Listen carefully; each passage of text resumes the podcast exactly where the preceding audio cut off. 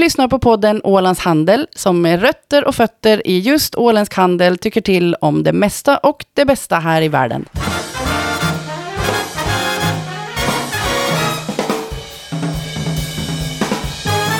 Vi säger hej och välkomna till Ålands Handels podcast nummer 92. Och idag ska vi prata så mycket näringsliv att ni kommer att få tillräckligt, vågar jag lova. För med mig, jag heter Jörgen Pettersson som leder den här showen idag.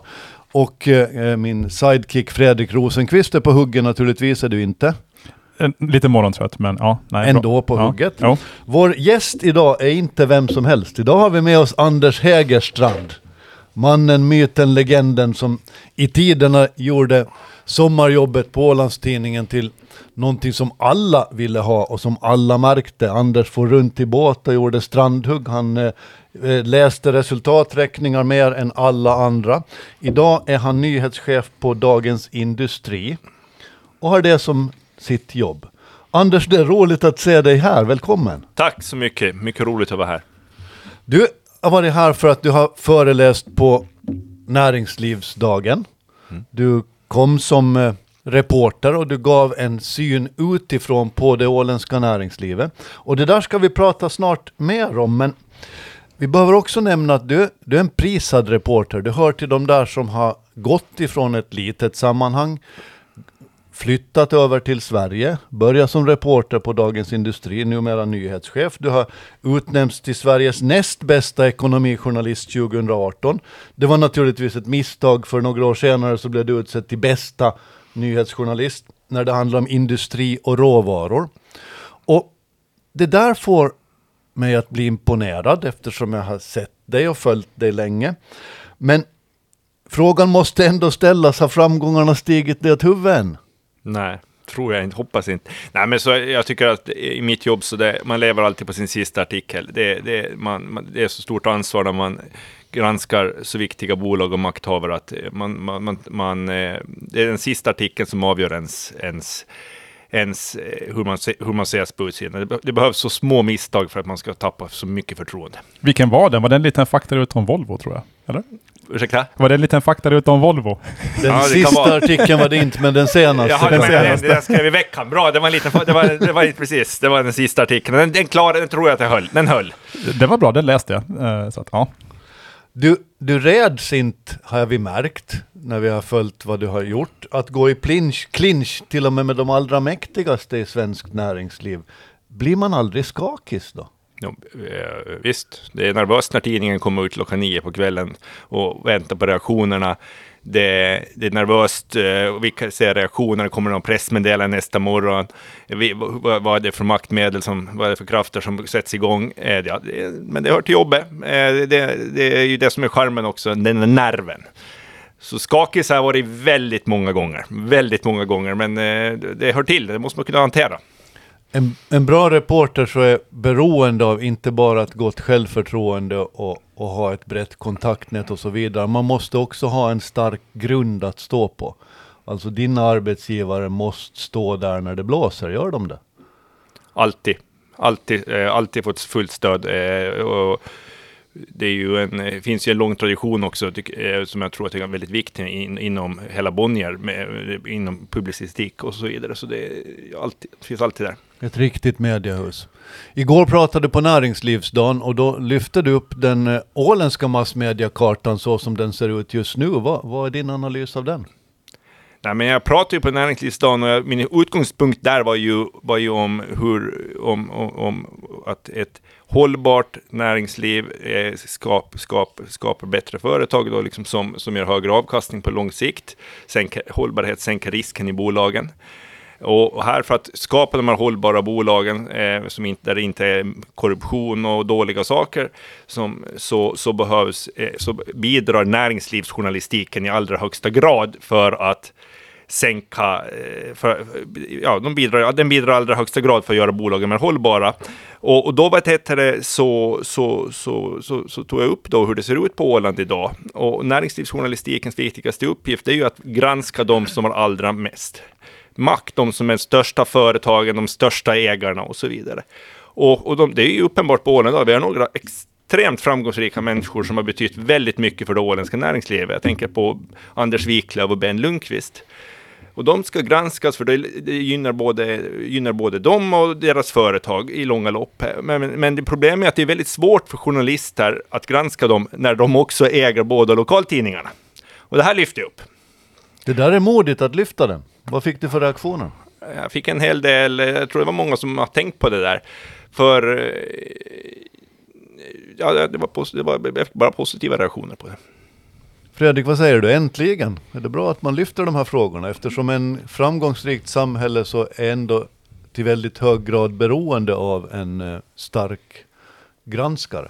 Mm. Ja, men jag satt och funderade på det där, hur, hur, liksom, hur viktigt det är för, för framgångsrika bolag att ha den här granskaren. Och det, det, är, säkert, det, det, det är nog ganska viktigt. Och det, det jag kanske framförallt saknar, eller jag saknar mycket med det eh, så här, liksom, åländska eh, granskningen av, av bolag och sådär. Men en sak som jag tycker i Sverige är ju bra att man, när någon säger någonting, någon bolagstopp eller någonting som, som är bullshit, alltså på riktigt, då finns det ju väldigt många medier och det finns poddar och det finns bloggare som, som säger det här är bullshit. Liksom. Så där kan man inte säga, det är ju bara skitsnack. Det finns ju inte riktigt på Åland, upplever jag, till Men, exempel. men, men jag vill poängtera där att det, jag var noga med igår när jag lyfte fram det här, så lyfte jag fram att jag har ingen, jag har inte kunskap att ha en, att och säga att eh, Ben Lundqvist och Anders Wiklöf är dåliga medjägare. Jag har inte en kunskap. De kan vara jättebra medjägare. Det, det, jag, hade, jag, hade, jag hade heller inte, vill heller inte jag kritisera, ha någon synpunkt på näringslivsjournalistiken på Åland, för, för det skulle vara förmätet av mig tycker jag att komma här och ha det. Det jag säger att det är långsiktiga strukturen. Det finns en risk för att näringslivsjournalistiken på Åland blir sämre på grund av det här, för att journalisterna dels de ska granska den, de ska granska de stora företagen och då ska de granska dem vars de får lön av varje månad. För, för lönen kommer syvende och sist från ägarna. Och det är jobbigt, för man vill ha lön nästa månad också. Och, och, och, eh, sen kan det komma det här, eh, och det kan bli ett, fast ägarna sköter sig och inte lägger sig i, så kan det bli undermedvetet hela tiden och göra journalistiken sämre. Och det, och det drabbar de företagen som de här personerna äger, för man vågar inte riktigt granska dem kanske. Och sen kanske, sen drabbar det också, påverkar det också granskningen av konkurrenterna. För man ringer, alltså, som jag drog igår, att ringer man upp Eh, ska, ska en, ursäkta jag ringer upp på fel ord, eh, ska en journalist på Ålandstidningen granska S-market? Kanske man får höra efter fjärde, femte artikeln, har världens skop på gång, börjar mata igång fjär, eh, artikel efter artikel. Ja, men det går ju Wiklöfs ärenden. Och det är inte heller bra. Så det, det, jag, jag tror att ingen är vinnare. Jag tycker det är, ingen, är vinnare, ingen är vinnare på den här situationen. Jag har ägnat den här sommaren åt att läsa en bok som jag nu inte kommer på namnet på så här direkt, det glöm, gör man ju aldrig när man ska berätta om böcker, men den handlar om konflikter, alltså där konflikter uh, kan anses som väldigt svåra eftersom den ena säger nej och den andra säger ja och, och aldrig möts de två. Men där drar man också parallellen till idrott, där konkurrensen är antagligen stenhårdast för den är så tydlig och så lätt att mäta.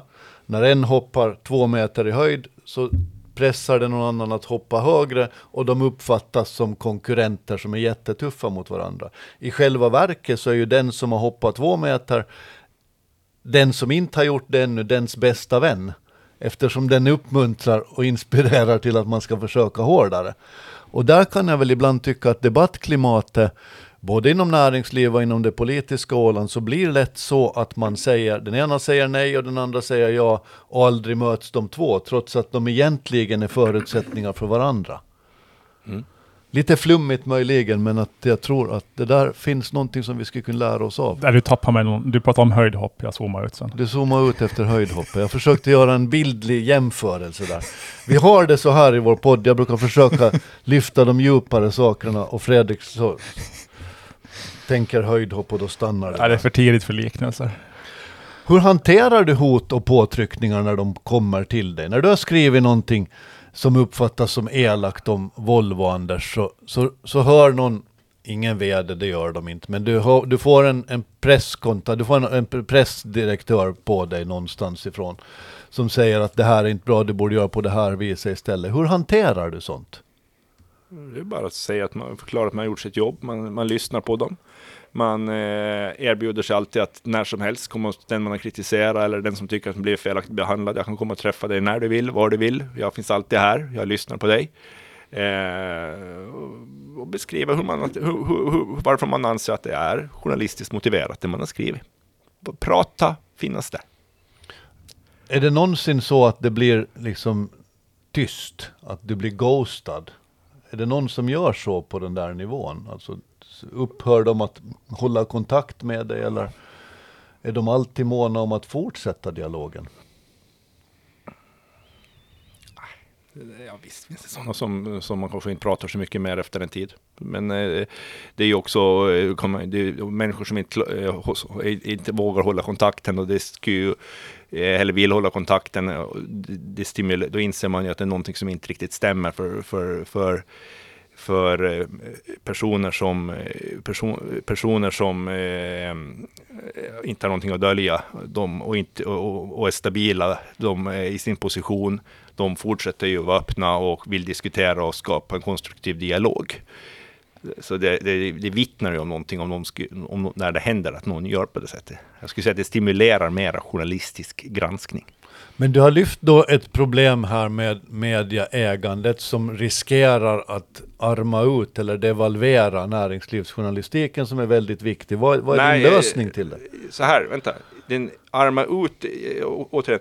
Det, det, det, jag tycker det är ett större problem. Jag, jag, jag tog ju exempel igår på, på, på den här dagen, på exempel Dagens Industris granskning av Swedbank.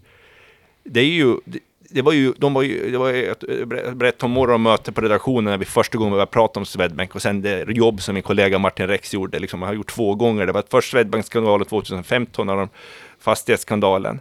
Och, och, och då byttes halva ledningen, hela stora delar av ledningen ut, men problemet var att bara halva styrelsen byttes ut. Och, och sen kom eh, penningtvättsskandalen. Det här har ju varit, båda de här skandalerna i början med att Swedbank har varit, det var ju liksom, ni har, det har varit påtryckningar, det här är inte bra, det här är inte bra, ni har fel. Båda gånger har det slutat med att de har erkänt, lagt sig platta och sagt, ja det här stämmer, eh, vi borde inte ha gjort de här affärerna när det gäller fastighetsskandalen, vi borde inte ha gjort vi borde inte ha gjort eh, eh, penningtvätten såklart.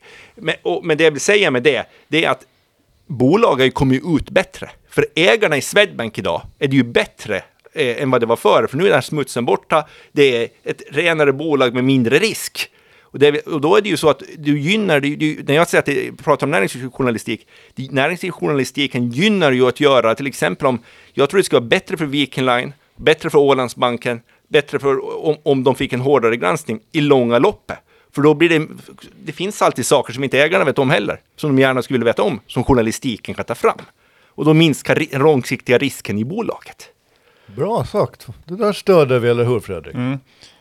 Ehm, jag har blivit funderad på en sak. Det, det jag kommer mest ihåg med det, det är Ericsson har det bevakat ganska mycket Mm. och haft ganska mycket åsikter om. Jag har några bilder när det står i det i tv och är helt röd i face och Mm. sådär. Arg över Ericsson. Vad är det som är så provocerande för, för dig? Eller vad är det som får dig att gå igång på bolag som är illa skötta? Och då menar vi liksom att de, de sköts, de gör fel, de gör skandaler och sådär. Vad, vad, vad får det gå igång på det liksom? Vad är det som är så... För det är andra människors pengar det handlar om. De är där och tjänar, eh, direktörer. De, det, är det är vanliga människors pengar som investerar i bolagen som, som de, om de gör ett dåligt jobb, som, som, som försvinner. Och eh, till syvende och sist är hela samhällets pengar med skatteintäkter och sånt. Och som, jag, och som jag brukar säga ibland, att jag menar, varför ska man ha kvar och ge direktörer en andra chans? Det finns jättemånga där uppe på den där nivån när man kommer dit som, som vill ha de där jobben och tjäna de där miljonerna. Byt ut dem, kom med ny- nya. Det finns de framgångsrika som kan sitta där i 20-30 år och göra det suveränt bra. Men byt ut dem som inte gör det så jättebra, eh, för att vi behöver bara sådana som gör det väldigt bra. Ericsson, vad, vad har du för åsikter om dem idag? Är de på väg åt liksom rätt håll? Eller de Det känns som att de går, kommer liksom med nya problem hela tiden. Ja, det är ju någonting i bolagskulturen där som är fel. Och det börjar med ägarna, styrelsen, bolagskulturen, ledningen. Och där tittar du kulturen. Och det var ju, var ju lite...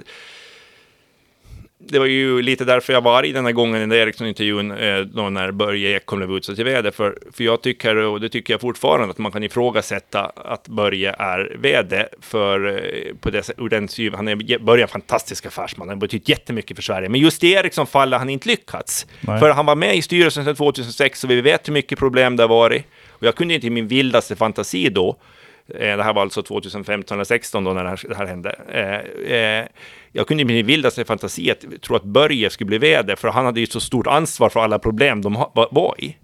Där var jag lite till mig och sen var jag lite till mig också rent journalistiskt, för jag hade ju fått flera bra tips om det här med att Börje skulle bli vd jag vågade inte skriva för jag, eller, jag, det, liksom, det, det kunde inte vara så. Så jag var ju arg för att jag missade skopet också. Där, att jag kunde berätta på förhand. Så det var Ja. ju mycket känslor den där morgonen. Ja, lite till sig är en mild underdrift kan vi säga. Ja, men men- du, du har väl fått rätt där. Det har väl inte gått så bra för början. Det, först gick det bra. Först gick det bra, men det gäller att se långsiktigt. Det är ju inte bra nu och det är, de har ju kulturproblemen kvar. Det Mm. är exakt samma med Swedbank.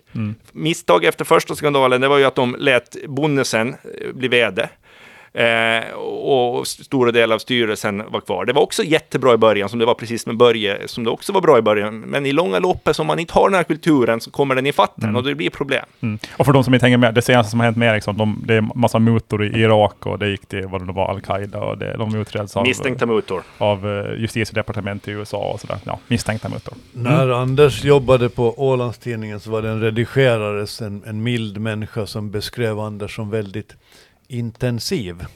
Och det var ett väldigt, eh, väldigt träffsäkert uttryck, för Anders är en intensiv människa. Det är precis sådana reportrar vi behöver ha här i världen. Vad är ditt största skop hittills? tycker ändå eh, det största, stör, den största nyheten för mig, det var, ganska, eh, det är nog ändå när jag avslöjade att Volvos vd skulle få sparken 2015. Det tycker jag nog att i det skede som det kom och, och att jag fick tag i den nyheten på det sättet, eh, det, och kunde så långt före det blev officiellt också få ut det, det, det, det satt väldigt bra. Det är stort, Sveriges största industribolag, det är inte ofta de byter vd. Och, och, det var ett väldigt speciellt skede också för Volvo. Det, det, det, var, det, det är nog min största nyhet. Är inte där som är, är, är själva grejen med, med att vara reporter, att ta reda på saker, förpacka det och sen berätta någonting som ingen annan vet. Visst är det en, en otrolig känsla? Det? Det är en enorm känsla att kunna vara steget före. Också kunna göra den rätta förpackningen också. Att, folk, att läsarna, lyssnarna förstår vilken betydelse det har. Det här med att, att vara nu, du rör dig till vardagen i de så kallade fina salongerna i Stockholm. När du inte är där så far du ut till Mosshaga och ränner på där. Mosshaga är för den som inte vet en holme som hör till Sottunga va? Yes! Du ska dit idag. Jag tänkte faktiskt åka dit, men jag, måste ändra planerna lite. Det var en intensiv vecka med skolstarter och mycket att göra och åka hit. Så jag, jag tänker faktiskt åka tillbaka till, till Sverige då och, och, och ta, ta, hel, ta helgen med lugn med familjen och ladda batterierna för nästa vecka. Så jag både hinner ta hand om barnen och fotbollen och pojkens fotbollslag och, och fixa många nyheter i tidningen. Du har två barn idag. Två barn, ja. Och din eh, hustru jobbar också inom, eh, inte inom media men inom information. Yes. Går det till kombinera? Får ni ihop ert vardagsliv? Vardagslivet, ja, ja det får vi nog. Det får vi ihop, det får vi ihop. Men man måste tänka på sådana saker. Ibland får man till och med undvara Mosshaga för att det ska liksom, allt ska flyta på. Vad är Mosshaga för dig? Men det är bara, jag sa i somras när jag kom dit ut, jag var ganska stressad, jag kände mig inte ro i kroppen början på juli, så kom jag dit ut och jag var där en vecka. Sen kände jag att nu kan jag åka på jobb igen, jag behöver inte mer semester för en vecka där. Det är lugnet, stillheten, tryggheten, eh, traditionen. Vad är Åland för dig idag? Åland är som jag tycker man kan... Åland är stolthet.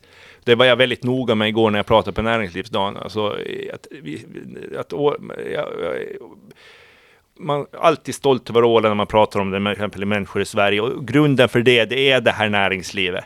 Det, Åland har ett väldigt bra, stort och, och starkt näringsliv i förhållande till sin befolkning. Jag menar, när jag, var, var, jag gick gymnasiet, jag kommer ihåg runt millennieskiftet, liksom, man gick i Mariehamn, det kändes som man trodde man gick i New York. Och man, för man, det var fyra börsbolag och det var, eh, det var, det var, det var puls, tyckte jag. Och, och jag känner den pulsen fortfarande, fast jag har varit mycket ute i världen.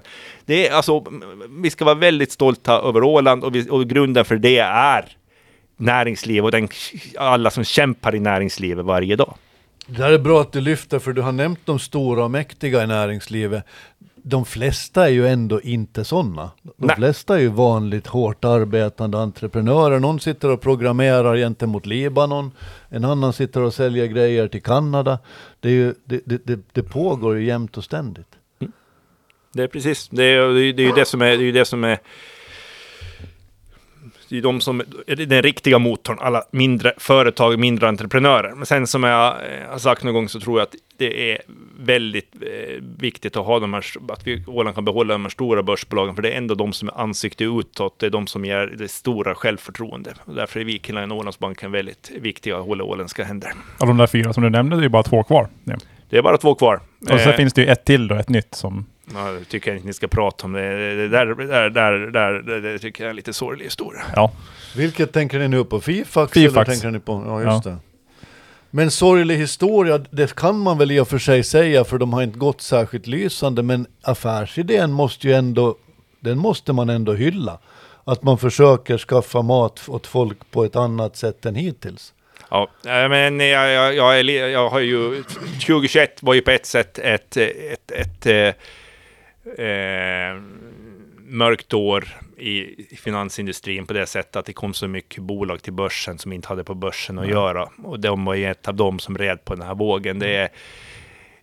eh, Det är ehm, det var ju väldigt, men det var ju så uppenbart att det var bolag som inte skulle till börsen förra året som kom till börsen. Men det är väldigt svårt, att- fast även med, en kritisk näringslivsjournalistik, att, eh, att, att, att, att få fram det. För, för aha, du skriver att det här är ett bolag som inte är så bra. Sen går den till, ska den noteras till kurs 10 och så stiger den till 20 kronor på två dagar. Men då står man, blir det är svårt att inte stå där med dumstrut och kortsiktigt dagen efter. Man ska vara ganska stark då om man fortsätter gå emot det när, folk, när det är många, många miljarder som börsvärde stiger och man själv säger att det är dåligt. Och sen om man, men om man kollar idag då, för jag håller med, det var liksom 2021, alltså allt kastades in på börsen. Mm. För nu var det liksom, man såg att det var toppen det här, då ska liksom, har vi något vi kan slänga in på börsen och, och inom citationstecken lura upp småspararna, då gjorde man ju det liksom. Och sen när man ser på alla de bolagen idag, vad kursen står i idag, det är ju alltså hemskt. De Mm. flesta har ju sjunkit med typ så 80 procent ungefär. Så och var det där en- är ju helt riktigt alltså. Det var säkert så för det fanns så jättemycket pengar i omlopp. Men ta en jätte då, ta Fortum. Som har varit hyllad fram tills nu när de håller på att dra hela, hela Finland med sig i fallet. Fredrik, vad säger du om en sån då? Det var ändå en, en eh, stor spelare. Är Ja, väl de- fortfarande. Det kom, var det, igår de presenterade sitt halvårsresultat, eh, väldigt försenat eh, i och med att det hade lite problem med, med det här tyska dotterbolaget eh, Uniper. Eh, var det 9,1 miljarder i förlust första halvåret, lika mycket som deras totala börsvärde. Eh, och det är väl det är på topp 10-listan av mest ägda aktier i eh, Finland av privatpersoner. Jag tror det är 200 000 privatpersoner som äger aktier i det bolaget. Och staten äger hälften. Och det är, är ju en... ja, det, jag har svårt att tänka mig ett bolag som har gjort lika stor förlust ett halvår någonsin i Finland. Vad är det med energibolag Anders? Fortum är, är, Finlands svar då på Vattenfall och de, det är ju som att skandalerna dras till det. De är skandalmagneter. Ja, men jag, jag, jag vänder på frågan och jag, jag säger så här, det är ju problem med ägarna. Staten, politiker, det är åter tillbaka till bolagsstyrning, ägarstyrning. Staten är ingen bra ägare, för politiker har så många intressen så de ska inte gå in och göra affärer. Affärer ska människor som äger sina pengar, ri- riktiga ä- ägare av kött och blod göra. Då blir det bra affärer. Eh, och det är det som är problemet i båda de här fallen, att det är, det är politiskt styrt. och, och, och eh, så det är, det, är, det är snarare så, det är det som är orsaken. Och det, är- det, det, det är ju ett exempel som jag tog upp på den här näringslivsdagen igår också, var ju att, eh, att på Helsingforsbörsens tio största bolag, det är bara ett av de bolagen som inte har, som har en ägare av kött och blod. Det är Conne med Antti Herlin. All, och, och, ja, inget av de tio andra bolagen har en ägare av kött och blod. Eh, däremot är staten inne i sex av Finlands största bolag. Det, är- det är ett problem för Finland att de inte har flera ägare av kött och blod. I Sverige är det en helt annan sak. Där har vi Wallenberg, vi har Fredrik Lundberg, vi har vi har Douglas, Körling. Så där är det ju på svenska, de tio största bolagen på svenska börsen, så det är ju bara Telia och Nordea som inte har en stor ägare av kött och blod. För jag räknar inte Christer Gardell som en, en riktig ägare av kött och blod, eh, som är stor ägare i Nordea. Så, så, där, så där har, det, är, det är ju där det sitter. Att har du riktiga ägare, då blir det mycket starkare bolagsstyrning. Och det, jag tror det är där problemet både Fortum och Vattenfall sitter. Eh, och där, det är därför det är så bra också på Åland, som jag också lyfter fram, att där har vi Ålandsbanken och Viking Line starka ägare, vi har Ericsson Capital starka ägare. Det, man ska, det, det ska man som ålänning vara väldigt glad för. Ja, vi har ju väldigt eh, stor koncentration av, av bolag med ägare av kött och blod på Åland. Mm. Alltså Wiklöf Holding och Ericsson Capital och Viken och Ålandsbanken. Alla har ju Mm. väldigt liksom, så här stora små ägare som sådär. En som är av kött och blod är också Jakob Johansson. Vad är ditt förhållande till honom? Han är då största ägare idag i Viking Line efter att ha köpt in sig väldigt aktivt. Och han är dessutom en fastighetsspelare av rang i Stockholm. Han köpte i veckan eh, en Djurgårds fastighet av, av Apple. Och, och börjar nu etablera Nej, sig... Kungsan. Kungsan. Kungsträdgården. Kungsträdgården köpte Ja, han där av Apple, Apple. där Apple skulle bygga sin, sin flagship-butik men inte fick för det blev några protester och sådär. Och Så- nu äger han det. Ja. Det var Vad vår- säger man om en sån ägare? Jag vill bara säga att det var Dagens Industri som avslöjade att han... Vem hade- annars? Det tog Ja. vi för givet. Finns, ja, ja, ja. finns det nej, andra nej, tidningar? det finns. Det var ju faktiskt det var, det var ganska Finns inte onö- andra det var ganska onödigt, näringslivstidningar? onödigt, onödigt med tiden var ju självklart rätt. Ursäkta. Eh, jag känner inte Jakob överhuvudtaget. Eh, men eh, det är ju inte, jag tycker den, eh, han är ju en investerare som gör transaktioner med jämna mellanrum och, och var, och jag, tycker den jag tycker man som ålänning ska ändå ha lite koll på Viking Line. Han är inte lika, han kommer inte vara lika förtrogen med Viking Line som många åländska ägare har varit i decennier. Det, det har jag svårt att se. Och, och, och med tanke på hur viktigt Viking Line är för Åland ur många aspekter så får man fundera på vad händer om eh, någon kommer att bjuda sig en euroaktie från Viking Line-aktier? Någon som vill se, göra en strukturaffär? Det, det, vad händer då med Viking Line? Hur, eh, hur, de har också en annan storägare i, familj, i familjen Lundqvist då som har, har som deras huvudbusiness är ju inte rederier, det är ju tankershipping. Så har de ett ordförandebyte på gång. Det händer massor i industrin. Alltså, på börsen kan det gå väldigt snabbt när man är på börsen. Och, och tänker en, jag tycker man eh, ska tänka, liksom, hur, tänk om Åland skulle tappa, åländska ägare och ålänningar skulle tappa kontrollen över Viking Line. Vad skulle det betyda för Åland? Ål- Det var då Åland, tänk hur fattigt det var på, man går riktigt historiskt, tänk hur fattigt det var på Åland på 50, början på 50-talet. Sen kom färjesjöfarten, vi har haft kontroll på den i alla tider. Är det en självklarhet? Sjöfart är ju otroligt viktigt på Åland och här måste jag ju då ge en liten passning. Varför syns sjöfarten så lite i svensk media? Varför begriper inte svenskarna vikten av sjöfart? Det har jag svårt att förstå. Jag med. Eh, men eh, så här är det.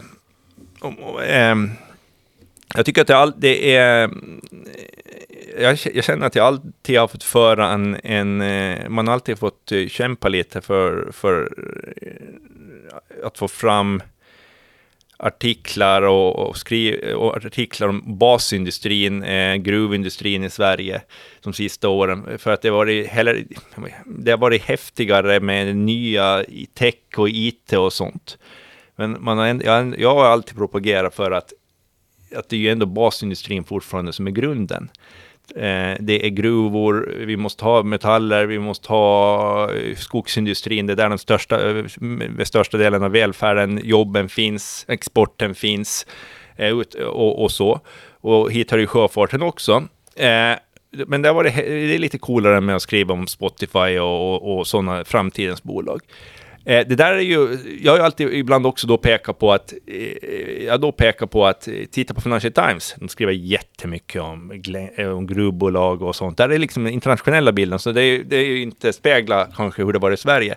Men det där har ju vänt nu. För nu har man ju insett att oj, nu är det viktigt med energi, det är viktigt med, med gruvindustrin, liksom eh, omställningen här, vi behöver massor med koppar till, till elbilar och så, så trenden är ju lite vänt. Men med sjöfarten, tycker, så sjöfarten där jag håller jag helt med om att det fortfarande är för, eh, behöver, det är en, en viktig industri som det be, behöver skrivas mer om. Men där har man ju också medvetenheten ökat nu med frakt, fraktmarknaden och containerindustrin och allting. Men beror inte det här på att Sverige saknar börsbolag inom sjöfart? Sådana Ja, stora? och sen, alltså specifikt inom sjöfart har det ju Ja. självklart en betydelse. Skulle vi ha, eh, skulle Maersk vara i, på. Stockholmsbörsen och svensk, skulle det ju skrivas hur mycket som helst om det. Mm, det är därför Eh, man skriver så mycket om liksom, fastigheter och, och banker och IT i Sverige, för det är det som är stort. Och sen, jag menar, om man kollar på UK-börsen, där finns det ju stora gruvbolag och sådär jättemånga. Det finns det i och för sig i Sverige också, Ja, vi men skriver ju om gruvor och sånt, men jag Ja. tycker ändå att det är, det är man, basindustrin har kanske fått vara, inte, inte liksom, dens betydelse har inte alltid lyfts fram under många år så mycket som den borde. Intressant det där. Va, hur, hur, vad tror du om den åländska framtiden? Var, var finns det? Om vi säger att eh, färjorna och sjöfarten har gjort Åland till vad det är idag. Eh, färgsjöfarten har man sagt att det är en mättad marknad, faktiskt det har man sagt i 20 års tid. Och den har ändå fortsatt att utvecklas. Det är ändå en, en väg mellan Finland och Sverige och den, den, bedriv, den, den gör väldigt stor skillnad. Men, men den är ändå kanske mättad fortfarande. Det händer ju enorma grejer just nu. Tallink Group är under tryck hårt. De ger upp Åbo Stockholm. Viking kommer till få ensamrätt på den, så gott som åtminstone fram till mars vad det verkar. vad är dina insikter kring just Tallink ska vi säga? Viking har sina finanser i skick och de verkar ha ett tonnage som för ögonblicket ser väldigt hyggligt ut, i vart fall på, på Åbo Stockholm-linjen. Medan Tallink hyr ut sina till flyktingförläggningar. Ja, men det är väldigt, jag ska, jag ska vara ganska ödmjuk här att jag ingen, eh, ni sitter ju på så mycket mer kunskap här än vad jag gör så det är jag som borde ställa frågorna till er. Men det är väl bara att konstatera att det är en suverän eh, suverän seger för Åland och att Viking Line har vågat satsa, vågat ta risk på ett utom fartygen och vunnit slag om Åbolinjen. Det är ju liksom, och där tror jag på din första fråga, vad framtiden för Åland? Jag tror att det är jätteviktigt att vi behåller de här, eh, liksom eh, Viking Line är en jätteviktig framtid för Åland, hålla shippingen och navet, ha basen. Sen, ska inte, sen är det, skulle det vara för, och sen är det nästa viktiga, det är att det finns entreprenörer, att det finns, fortsätter att ålänningar fortsätter vara entreprenöriella, vågar, orkar arbeta hårt, vågar ta risk. Sen ska, sen ska inte jag sitta här och säga vilka industrier det blir. Det är ju, det är ju smartare människor än mig. Men ja. jag, enda jag kan säga, håll basen, håll Viking Line. Det är precis som att hålla basindustrin i Sverige. Håll grunden. Sen, sen så är det bara liksom att vi håller eh, den åländska attityden finns kvar hos eh, kommande generationer, tänkte jag säga, liksom att eh, våga ta risk, våga starta nya företag och satsa på nya idéer. Men där kommer ju då vindkraften in som en väldigt stark spelare. Hela Europa skriker efter energi och det ska vara hållbar energi. Vi bor ute i havet och här blåser det. Det vet du eftersom du brukar vara på Mosshaga. Där står det inte stilla många dagar per år. Nej. Är inte det någonting vi borde dra nytta av nu då? Absolut, men eh, det är väldigt många som springer åt samma håll. Eh, det är en väldigt man kommer att stoppa väldigt många ägg i samma korg. Och man, de, det är mycket pengar som ska in i Sen kommer det ju vara externt kapital jag tycker att det inte riktigt... Jag, alltså jag, jag, jag hoppas verkligen att de, ni, alla de som jobbar med det, eh, jag lyssnade ju på Näringslivsdagen igår, eh, Ålandsbankens vd Peter Wiklund pratade sig varm för det. Eh, och verkligen, alltså jag tumma upp och hoppa, hoppas det går, men jag, jag, jag tycker att det, lite, det känns... Eh, man är väldigt just mycket ute på den stora internationella marknaden och konkurrerar. Kanske man ska kunna hitta något, är det det åländska verkligen att gå på det? Eller hitta några egna mindre vägar för framtiden? Fredrik, vad säger vi om det? Vi stöder vindkraft nämligen i denna podd. Ja, men sen det är lite så som vi har pratat om innan, om man tänker sig då en, en, en stor vindkraftpark på Åland. Hur, hur stor är sannolikheten att den får ägare av kött och blod med, med starka det, kopplingar till Åland. Att det, det, inte blir liksom de här anonyma, någon sån fonder långt bort i stan, eller att det blir ett offentligt ägare så att det går som Fortum. Liksom. Men, men, i drömscenario så är det ju perfekt. Alltså då, det, det, kommer ju vara externt kapital. Det är ju extremt, det är ju, det är, det är ju liksom, vi pratar ju miljarder euro som måste in här för det ska, om det ska fullföljas. Det är ju självklart att det ska externt kapital och lyckas det så det är ju kringeffekter. Man brukar prata i gruvindustrin, en, en gruvarbetare ger fem, fem, fem andra arbetsplatser, liksom, för det ska vara så mycket service runt omkring. Det är ju självklart om du kommer så långt att det blir bra. Men det jag ifrågasätter, det är, det, det är liksom att hamna rätt i det här.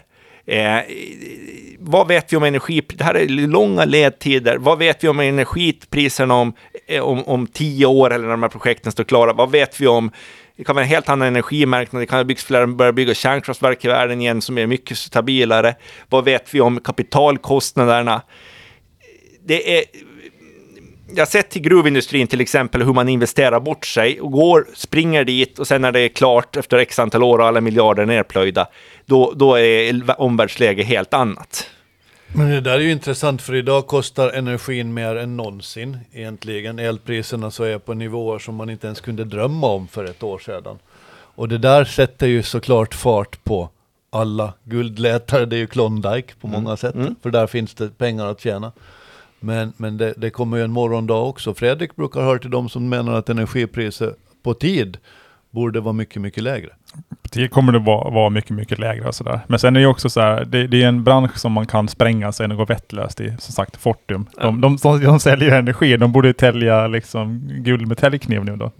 Det Men det går precis tvärtom. tvärtom. Och det är så här, det är så mycket för att det är så långa projekt och det, räntorna blir jätteviktiga, materialkostnaderna blir jätteviktiga och allt hänger på vad kommer energipriset att vara om 20 år? Det är ingen människa som vet vad det kommer att vara. I, ja, imorgon vet man ändå för auktionen hålls ju en dag framåt. Men det, blir, det är extremt volatilt hela tiden och sådär. Så att, mm. Men vi stöder vindkraft. Om, om vi byter fokus lite och pratar börs och aktier, Anders. Äger du själv värdepapper? Får man göra det som eh, ekonomireporter? Vi är positiva till att, eh, eller tidningen är positiv till att, de, att, att, att man anställda äger aktier, för då lär man sig själv hur det är att förlora pengar på aktier och vinna på aktier och intresse ökar och vi blir bättre, vi gör bättre journalistik för våra... Får jag fråga hur det där funkar? För jag vet inte. Och, säger du att man sitter på en redaktion, man är ju ganska många där, och så märker man, man är redigerare någonting och så håller, vad heter han, Rickard Bråse, han håller på med en grej om ett bolag här nu då, säger vi. Och då är man så här, shit.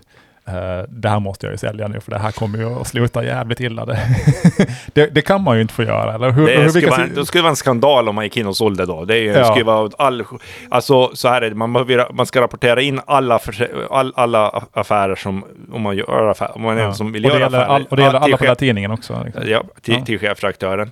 Och eh, sen får man inte sälja för inom 30 dagar. Nej.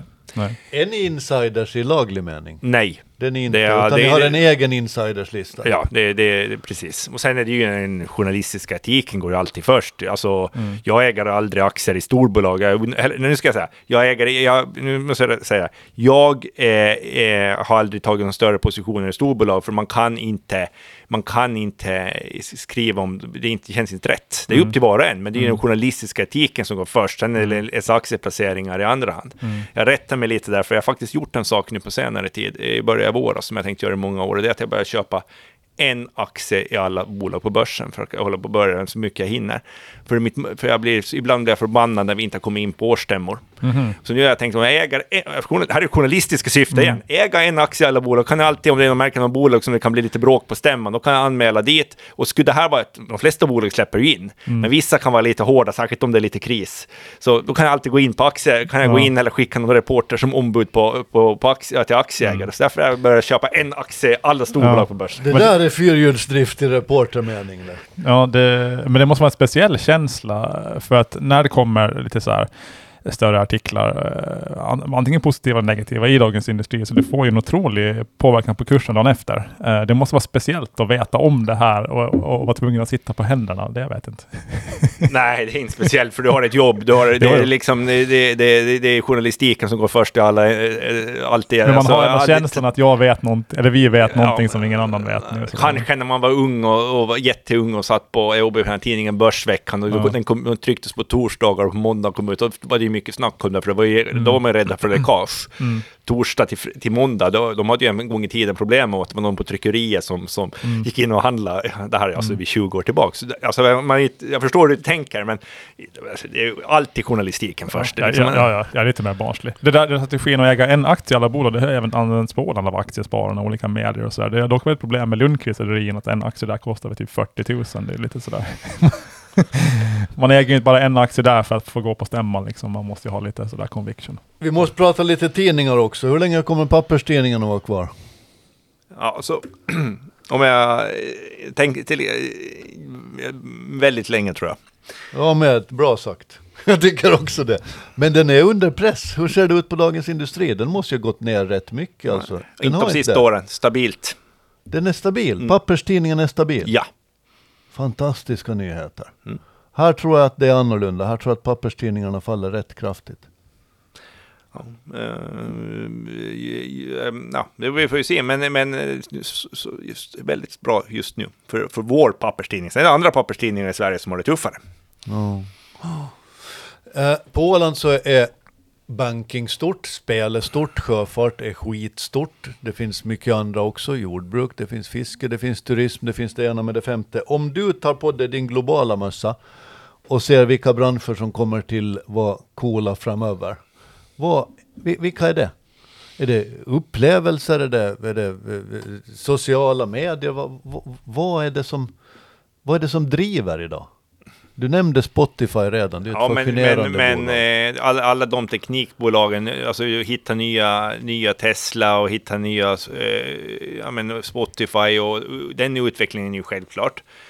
Men, men eh, vad, kommer, häftigare ur vilket hänseende? Tjäna pengar på. Ja. Eh, i en värld som kanske blir ganska mycket tuffare de kommande åren. Eh, så, så kanske det är häftigt och då kanske kan jag göra det enkelt för mig så att det är häftigt att äga stabila, ba, eh, stabila bolag i basindustrin som har funnits, funnits, i riktig, eh, funnits i alla tider och är riktiga bolag om man vet vad man får. Om man ska tjäna pengar på dem. För då kanske de här häftiga bolagen med väldigt höga värderingsmultiplar inte är så häftiga att tjäna pengar på. Jag tänker på en, en vanlig privatperson idag. Utgifterna ser ju dramatiskt mycket annorlunda ut gentemot för tio år sedan bara. Du har abonnemang i alla möjliga tjänster som, som man inte ens kunde föreställa sig. Vi, vi spenderar väl ändå pengarna annorlunda idag än vad vi gjorde förr? Ja. Eller gör vi inte?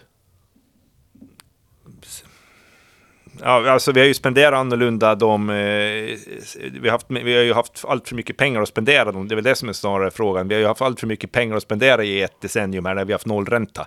Så därför har vi ju lagt om våra mönster. Och det kommer ju att förändras nu. Nu kommer det ju att bli mera att få mat på bordet för många eh, tyvärr. Och, eh, men samtidigt kanske det är bra också att vi får en mer nykterhet till det här vad pengar är för någonting. Det där är intressant för man brukar nu som då lyfta fram de här siffrorna att för 50 år sedan så gick en dramatiskt stor del av våra pengar till mat. Man använde då, jag kommer inte ihåg procentsatserna längre, men jämfört med idag så var det tio gånger mer, alltså större andel av vår inkomst som gick till mat. Sen har det gått till Thailandsresor och det har gått till kläder och det har gått till allt möjligt. Tror du att vi kommer till se en tendens där man använder en större del av sin lön för mat framöver. Ja, så kommer det ju att bli. Det är ofrånkomligt så att, det är att eh, för lönen, den, den, alltid, mat, allting blir dyrare och då kommer det ju större del av lönen att måste gå till mat. Vad säger du Fredrik? Om, om mat just. Mm.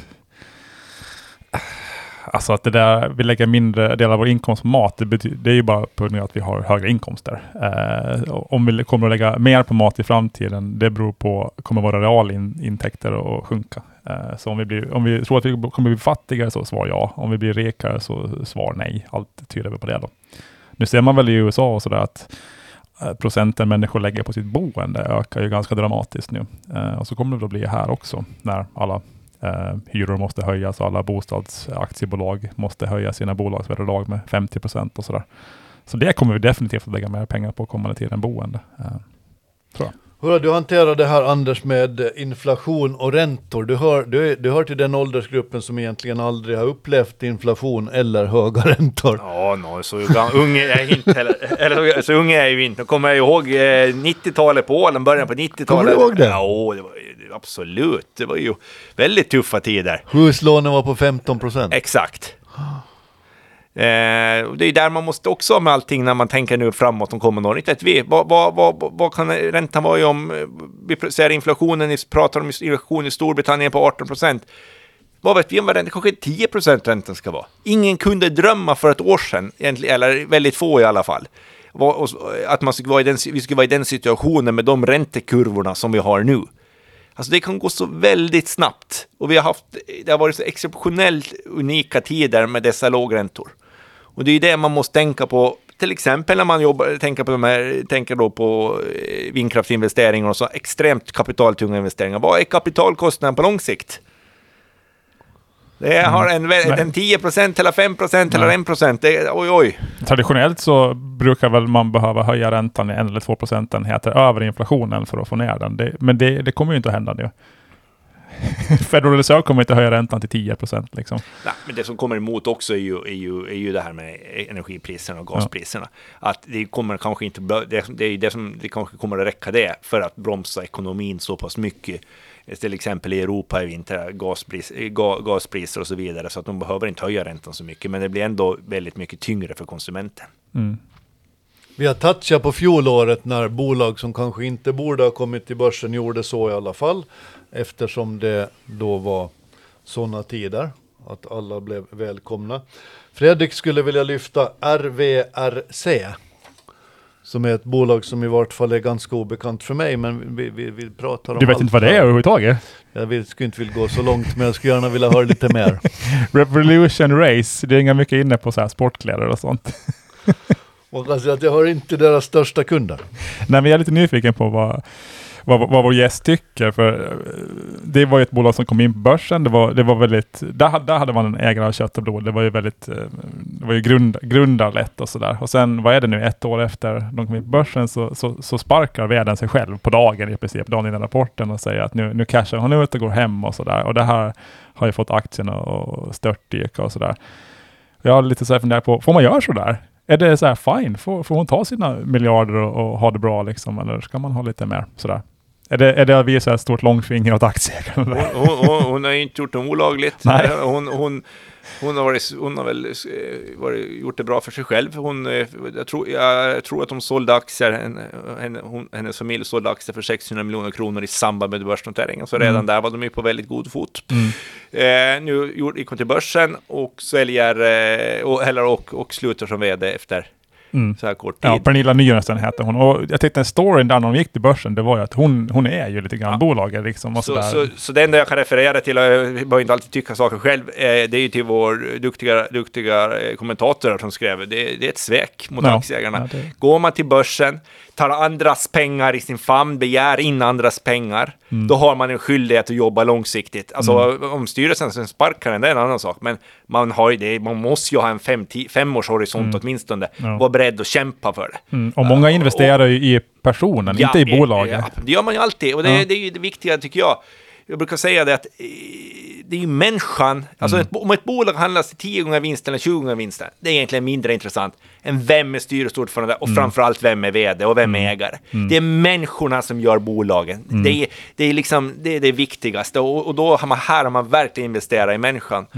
Och då skrev ju vår kommentator att det var ett svek och, och, och eh, det tycker jag var en ganska bra analys. Nej, det det, är bra. ett svek mot alla, mot alla de eh, som har investerat sina pengar och nu förlorar jättemycket pengar på den här aktien. Hur högt prioriterat är aktieägarvärde bland, bland bolagsledningar överlag i Sverige? Är, är man bra på det eller dålig på det? Borde man skärpa sig liksom? Jag tror det har blivit bättre. Det blir bättre. Det, det, här, det, här, det här att bygga imperier och vara var, var liksom den stora, stora, stora direktören som, som där. Det, det, det har blivit mm, mindre så. Det är mindre PG Gyllenhammar och mera, mera tänka på avkastningen till ägarna och aktieägarvärde. Så det blivit mycket, mycket bättre där. Och det är, tack vare, det är också tack vare ägarbilderna i många bolag, att det är ägare, nu är det riktiga ägare, de vill ha avkastning och då blir det mera tryck.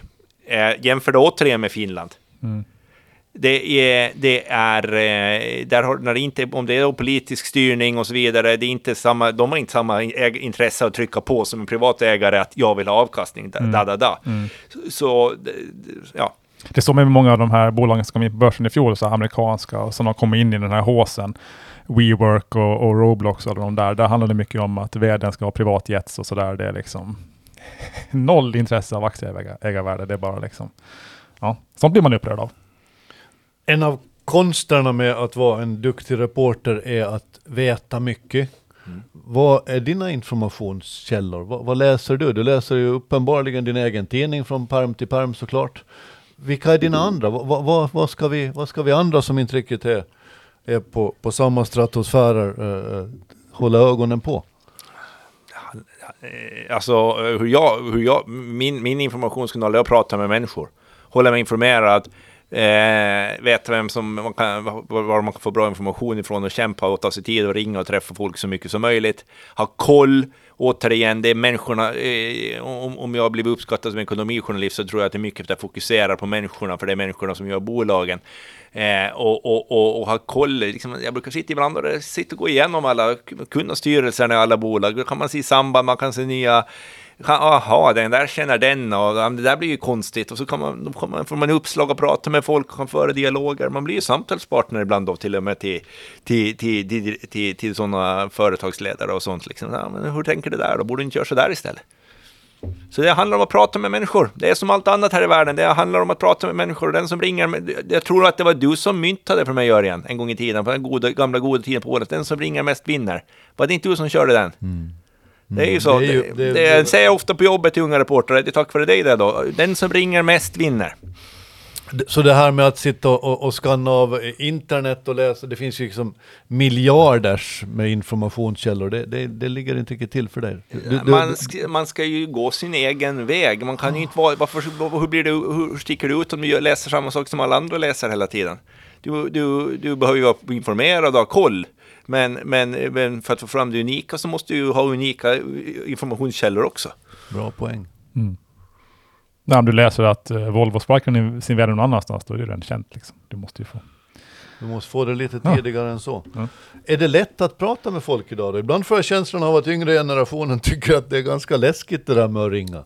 Nej, Det ju- blir ju svårare och svårare eh, att, att, att komma, komma in på livet på, på företagsledare. För att de har ju byggt upp en, byggt upp en barriär med informationsmänniskor runt sig som, som har som sitt stora uppdrag att, att, att, att skydda sin väder, att ingen ska få prata om dem. För journalister är farliga, journalister är farliga och liksom, det, de, man kan aldrig lita på dem. Och så det är ju det är en större utmaning att komma, in, komma, komma företagsledare och tunga personer i näringslivet in på liv. Det är ju självklart det är så, men det är, det är bara att jobba hårdare för det, det är ju så, det enda vägen framåt. Annars slutar vi ju leverera nyheter. Det är precis så det blir. Händer det någonsin att ni eh, copy-pastar på Dagens Industri? Gör ni det?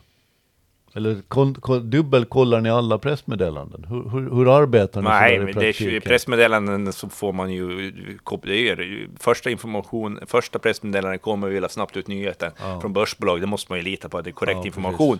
Eh, sen får man ju ringa och ställa kritiska frågor, men det är ju nästan copy-paste, för det är ju det här, vi, vi blir ju som en nyhetsbyrå i första läge och då är det snabbt ut, det här har hänt, det här bolaget vinstvarna, citat från vdn, kör vi ut. Så det är nästan, det är ju copy-paste. Sen, är det ju, sen, kommer, sen kommer nästa steg i journalistiken och det är att ställa de kritiska frågorna och, och göra analys och, och ta det vidare för förädladet.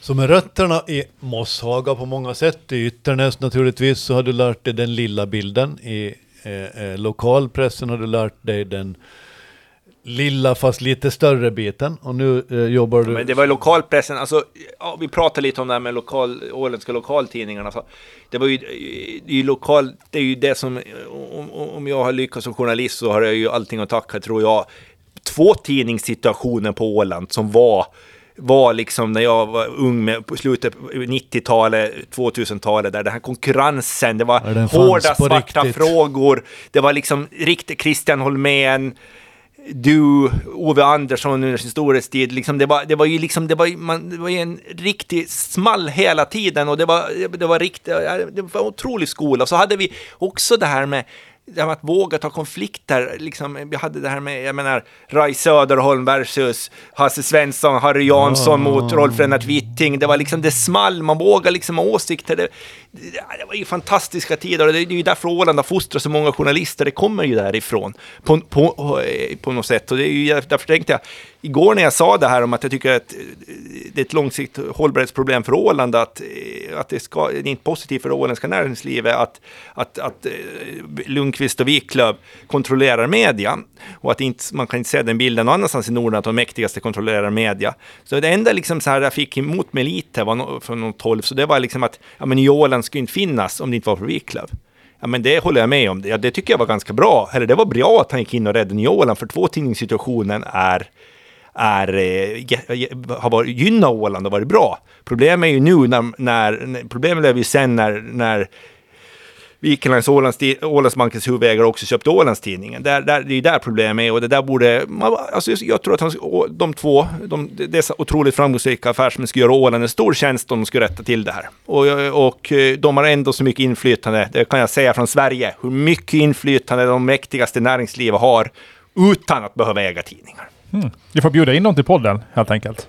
och diskutera en, en, en strukturaffär, det skulle nog vara bra. Jag, kan, jag, jag ger dig rätt i det Anders, att, att nerven är faktiskt borta i, i, Ja, i nu ska- dagspressen idag. Nu ska inte jag, jag tänker inte ha någon synpunkt på journalistiken på Åland idag, för det är för mig, jag, jag följer, hinner inte följa med den tillräckligt bra. Men det, men det var Nu- bättre nu- för Ja, det får ni säga. Jag säger bara att den var en fantastisk skola för mig.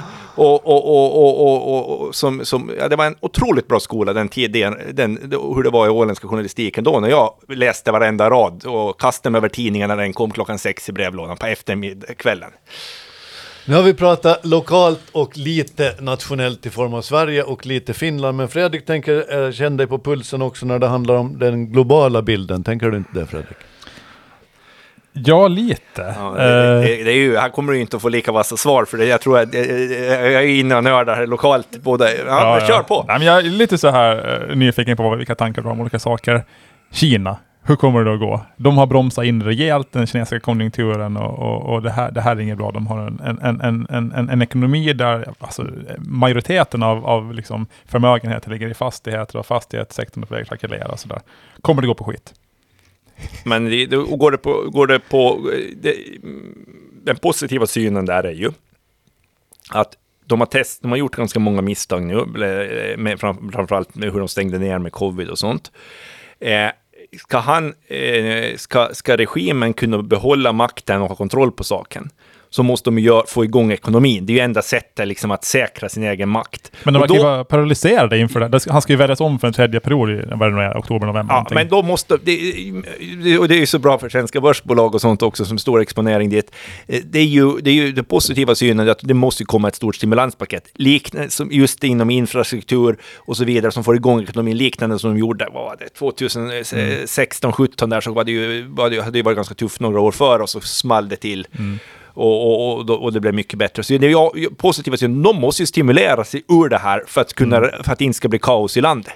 Och därför kommer det i varje fall eh, bli bättre, än, för, borde det bli bättre snart innan det blir sämre. Mm. Och för många bolag, i synnerhet i Sverige och sådär, så är ju den kinesiska marknaden är den viktigaste eller näst viktigaste ofta. Så det är ganska Ja, det- eh, avgörande. Det, Sådär. det är en akilleshäl på ett sätt att vara, eh, vara mm, så beroende av Mm. en eh, så stor, eh, eller en diktatur på det sättet. Som, Ja. det, det, är, det är en väldigt stor exponering för många bolag på Stockholmsbörsen.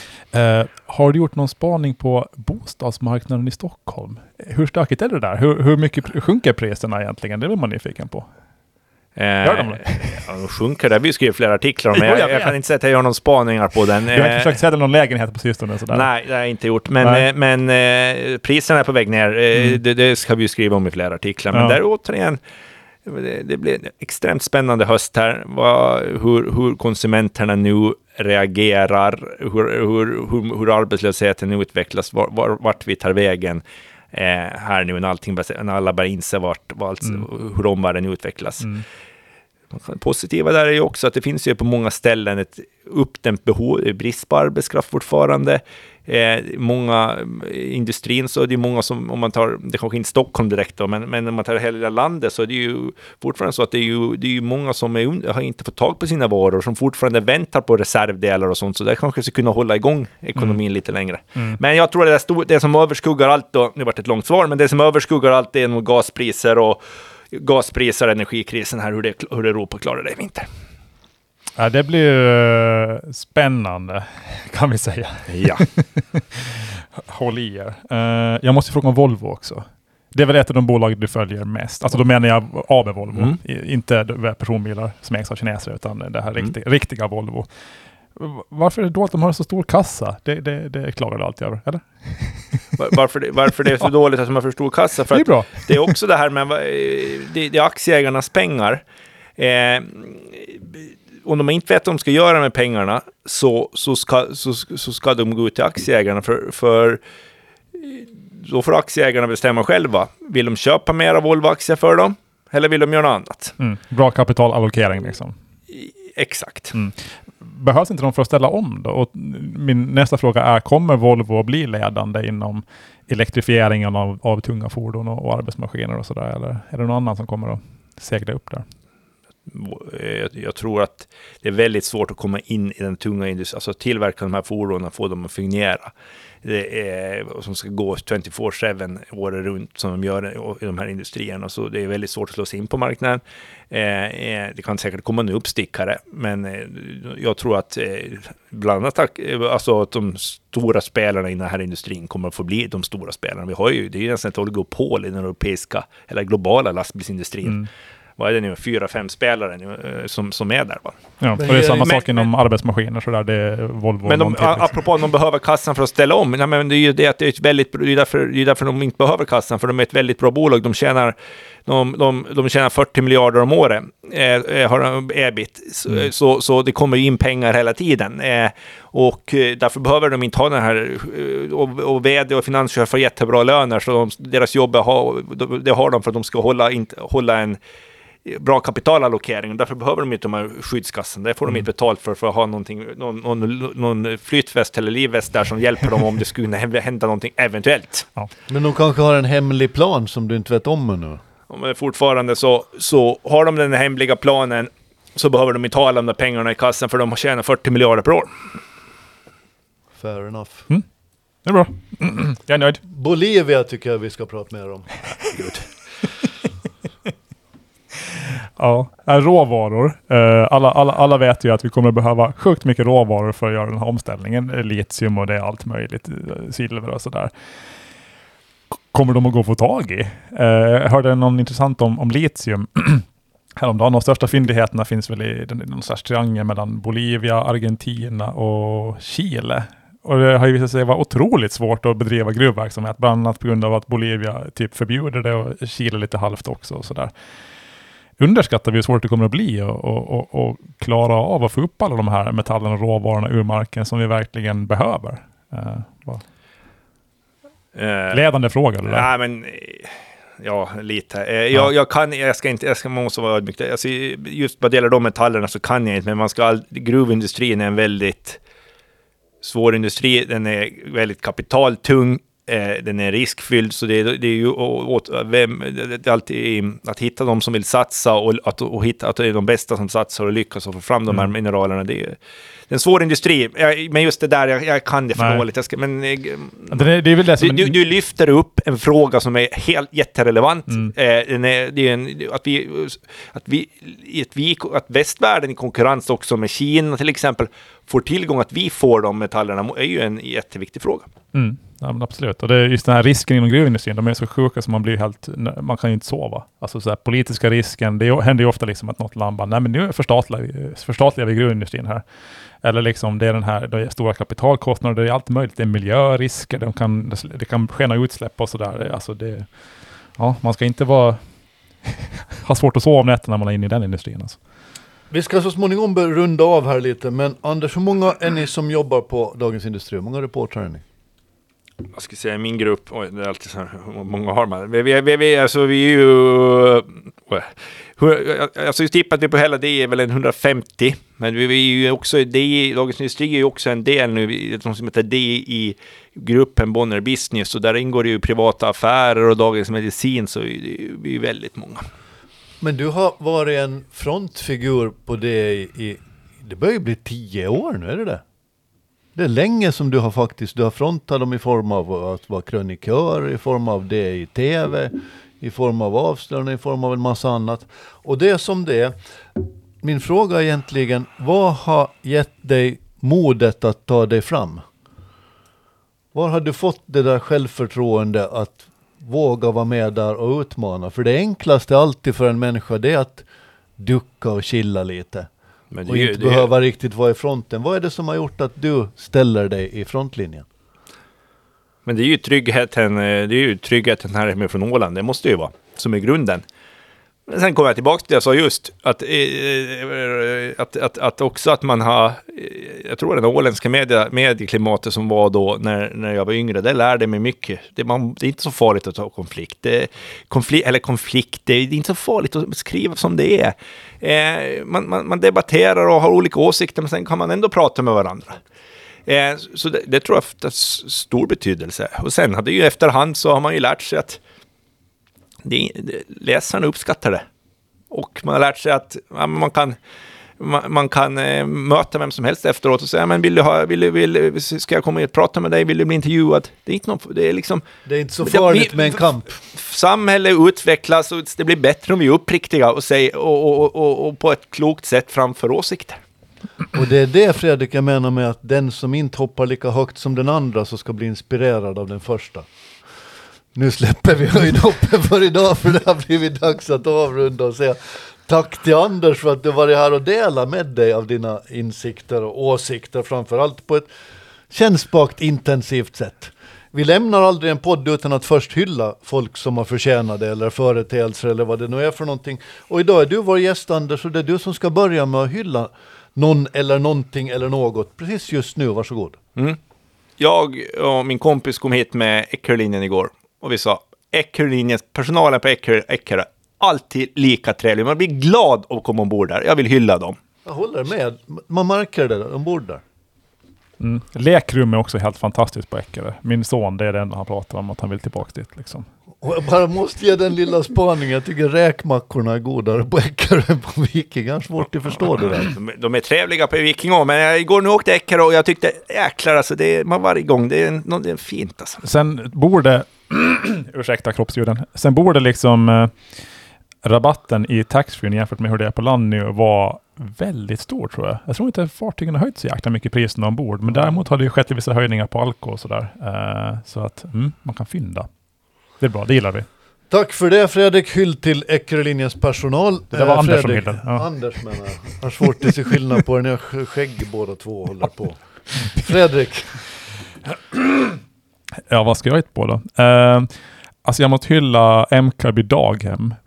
Fast jag inte riktigt har varit dit. Men min son har börjat på dagis den här veckan. Vi har skolat in honom. Eller vi, min, min fru har skolat in honom för jag har jobbat då.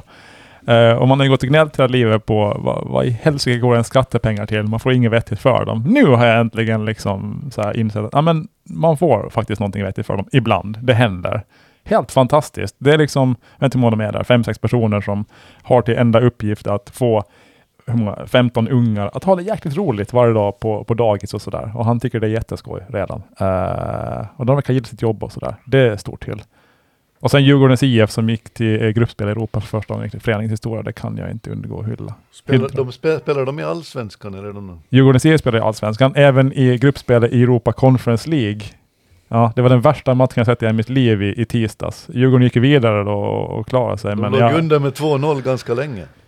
Ja, om man satt och funderade på vad, hur blir mitt liv utan fotboll? För jag kommer inte kunna säga varenda fotbollsmatch i hela mitt liv. Liksom, vad, vad ska jag hitta för hobby och vad, hur, hur, hur blir livet nu tänkte jag så här. Det var en, det var näst, jag är fortfarande inte hämtat mig. Jag är inte ens glad. Jag är bara chockad.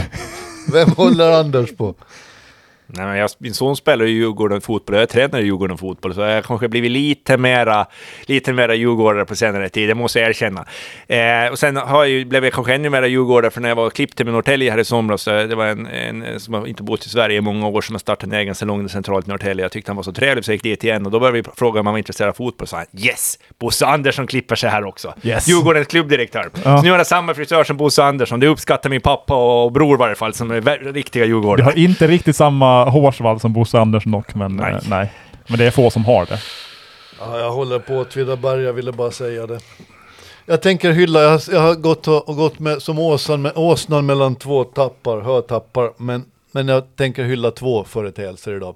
För det första Pride-festivalen, som jag tycker att är väldigt, väldigt bra i det att det är entusiaster som driver det och de, hör, de pratar för en grupp människor som hör kanske till de sköraste vi har här i världen. Det tycker jag är fint gjort. Det är så lätt att säga att varför ska man hålla på med sån här ståhej? Men faktum är att de har lyft folk på ett sätt som är både osjälviskt och faktiskt bra. Och de andra entusiasterna som jag också tycker att det är värda att hylla, som vi inte hyllar lustigt nog, är de här som kämpar mot Ukraina-kriget vid, utanför ryska konsulatet i Mariehamn. Dag ut, dag in går de dit och ställer sig klockan fem och visar skyltar. Och det där tycker jag är fint, så borde vi alla göra. Nu har vi inte alla tid för det, för man måste göra andra saker också. Men entusiasterna som finns här runt om i världen och som snöar in på olika företeelser och kämpar för det, de är värda hyll. En gammal. D-journalist är väl där och visar skyltar, tror jag väl. Utan att... Mosse Wallén är där, han hör till förgrundsgestalterna. Så ha- han var, han var, den, han var eh, reporter på det under många herrans år. Han är antagligen fortfarande någon form av legend där. Är han det? Absolut. Måste vara i många år, så var han korrespondent i Helsingfors. Just det. Var kanske för, var det, det, typ deras första, nej? Ja, det var han nog. Han var för den första och den enda också som har varit. Han, eh, det vågar jag inte säga var den första, men han var, han var så länge vi hade korrespondenter i alla nordiska huvudstäder på plats hela tiden så var han det. Så han var ju, Mosse var ju också en idol, liksom ålänningen som jobbar på Dagens Ja. Industri. Det kändes ju ganska ouppnåeligt när man var tonåring här på Åland. Hörni, då är det dags till att säga tack. Eh, Anders, ha en fortsatt fin höst. Lycka Tack till med allting Tack och håller tummarna för dina framtida skop och glöm aldrig var du kommer ifrån. Tack, stort tack för att jag fick komma hit. Tack, Tack och förlåt. tack och förlåt. Nu har du lyssnat så här långt, så nu kan du ge oss en liten stund till tycker vi. Du kan gå in på Spotify och prenumerera på podden Ålands Handel. Eller på Podcaster, där kan du göra samma sak. Där kan du också ge oss betyg och skriva recensioner, det tycker vi om. Och sen kan du förstås gå in och titta på vår hemsida ålandshandel.ax. Och så hörs vi nästa vecka.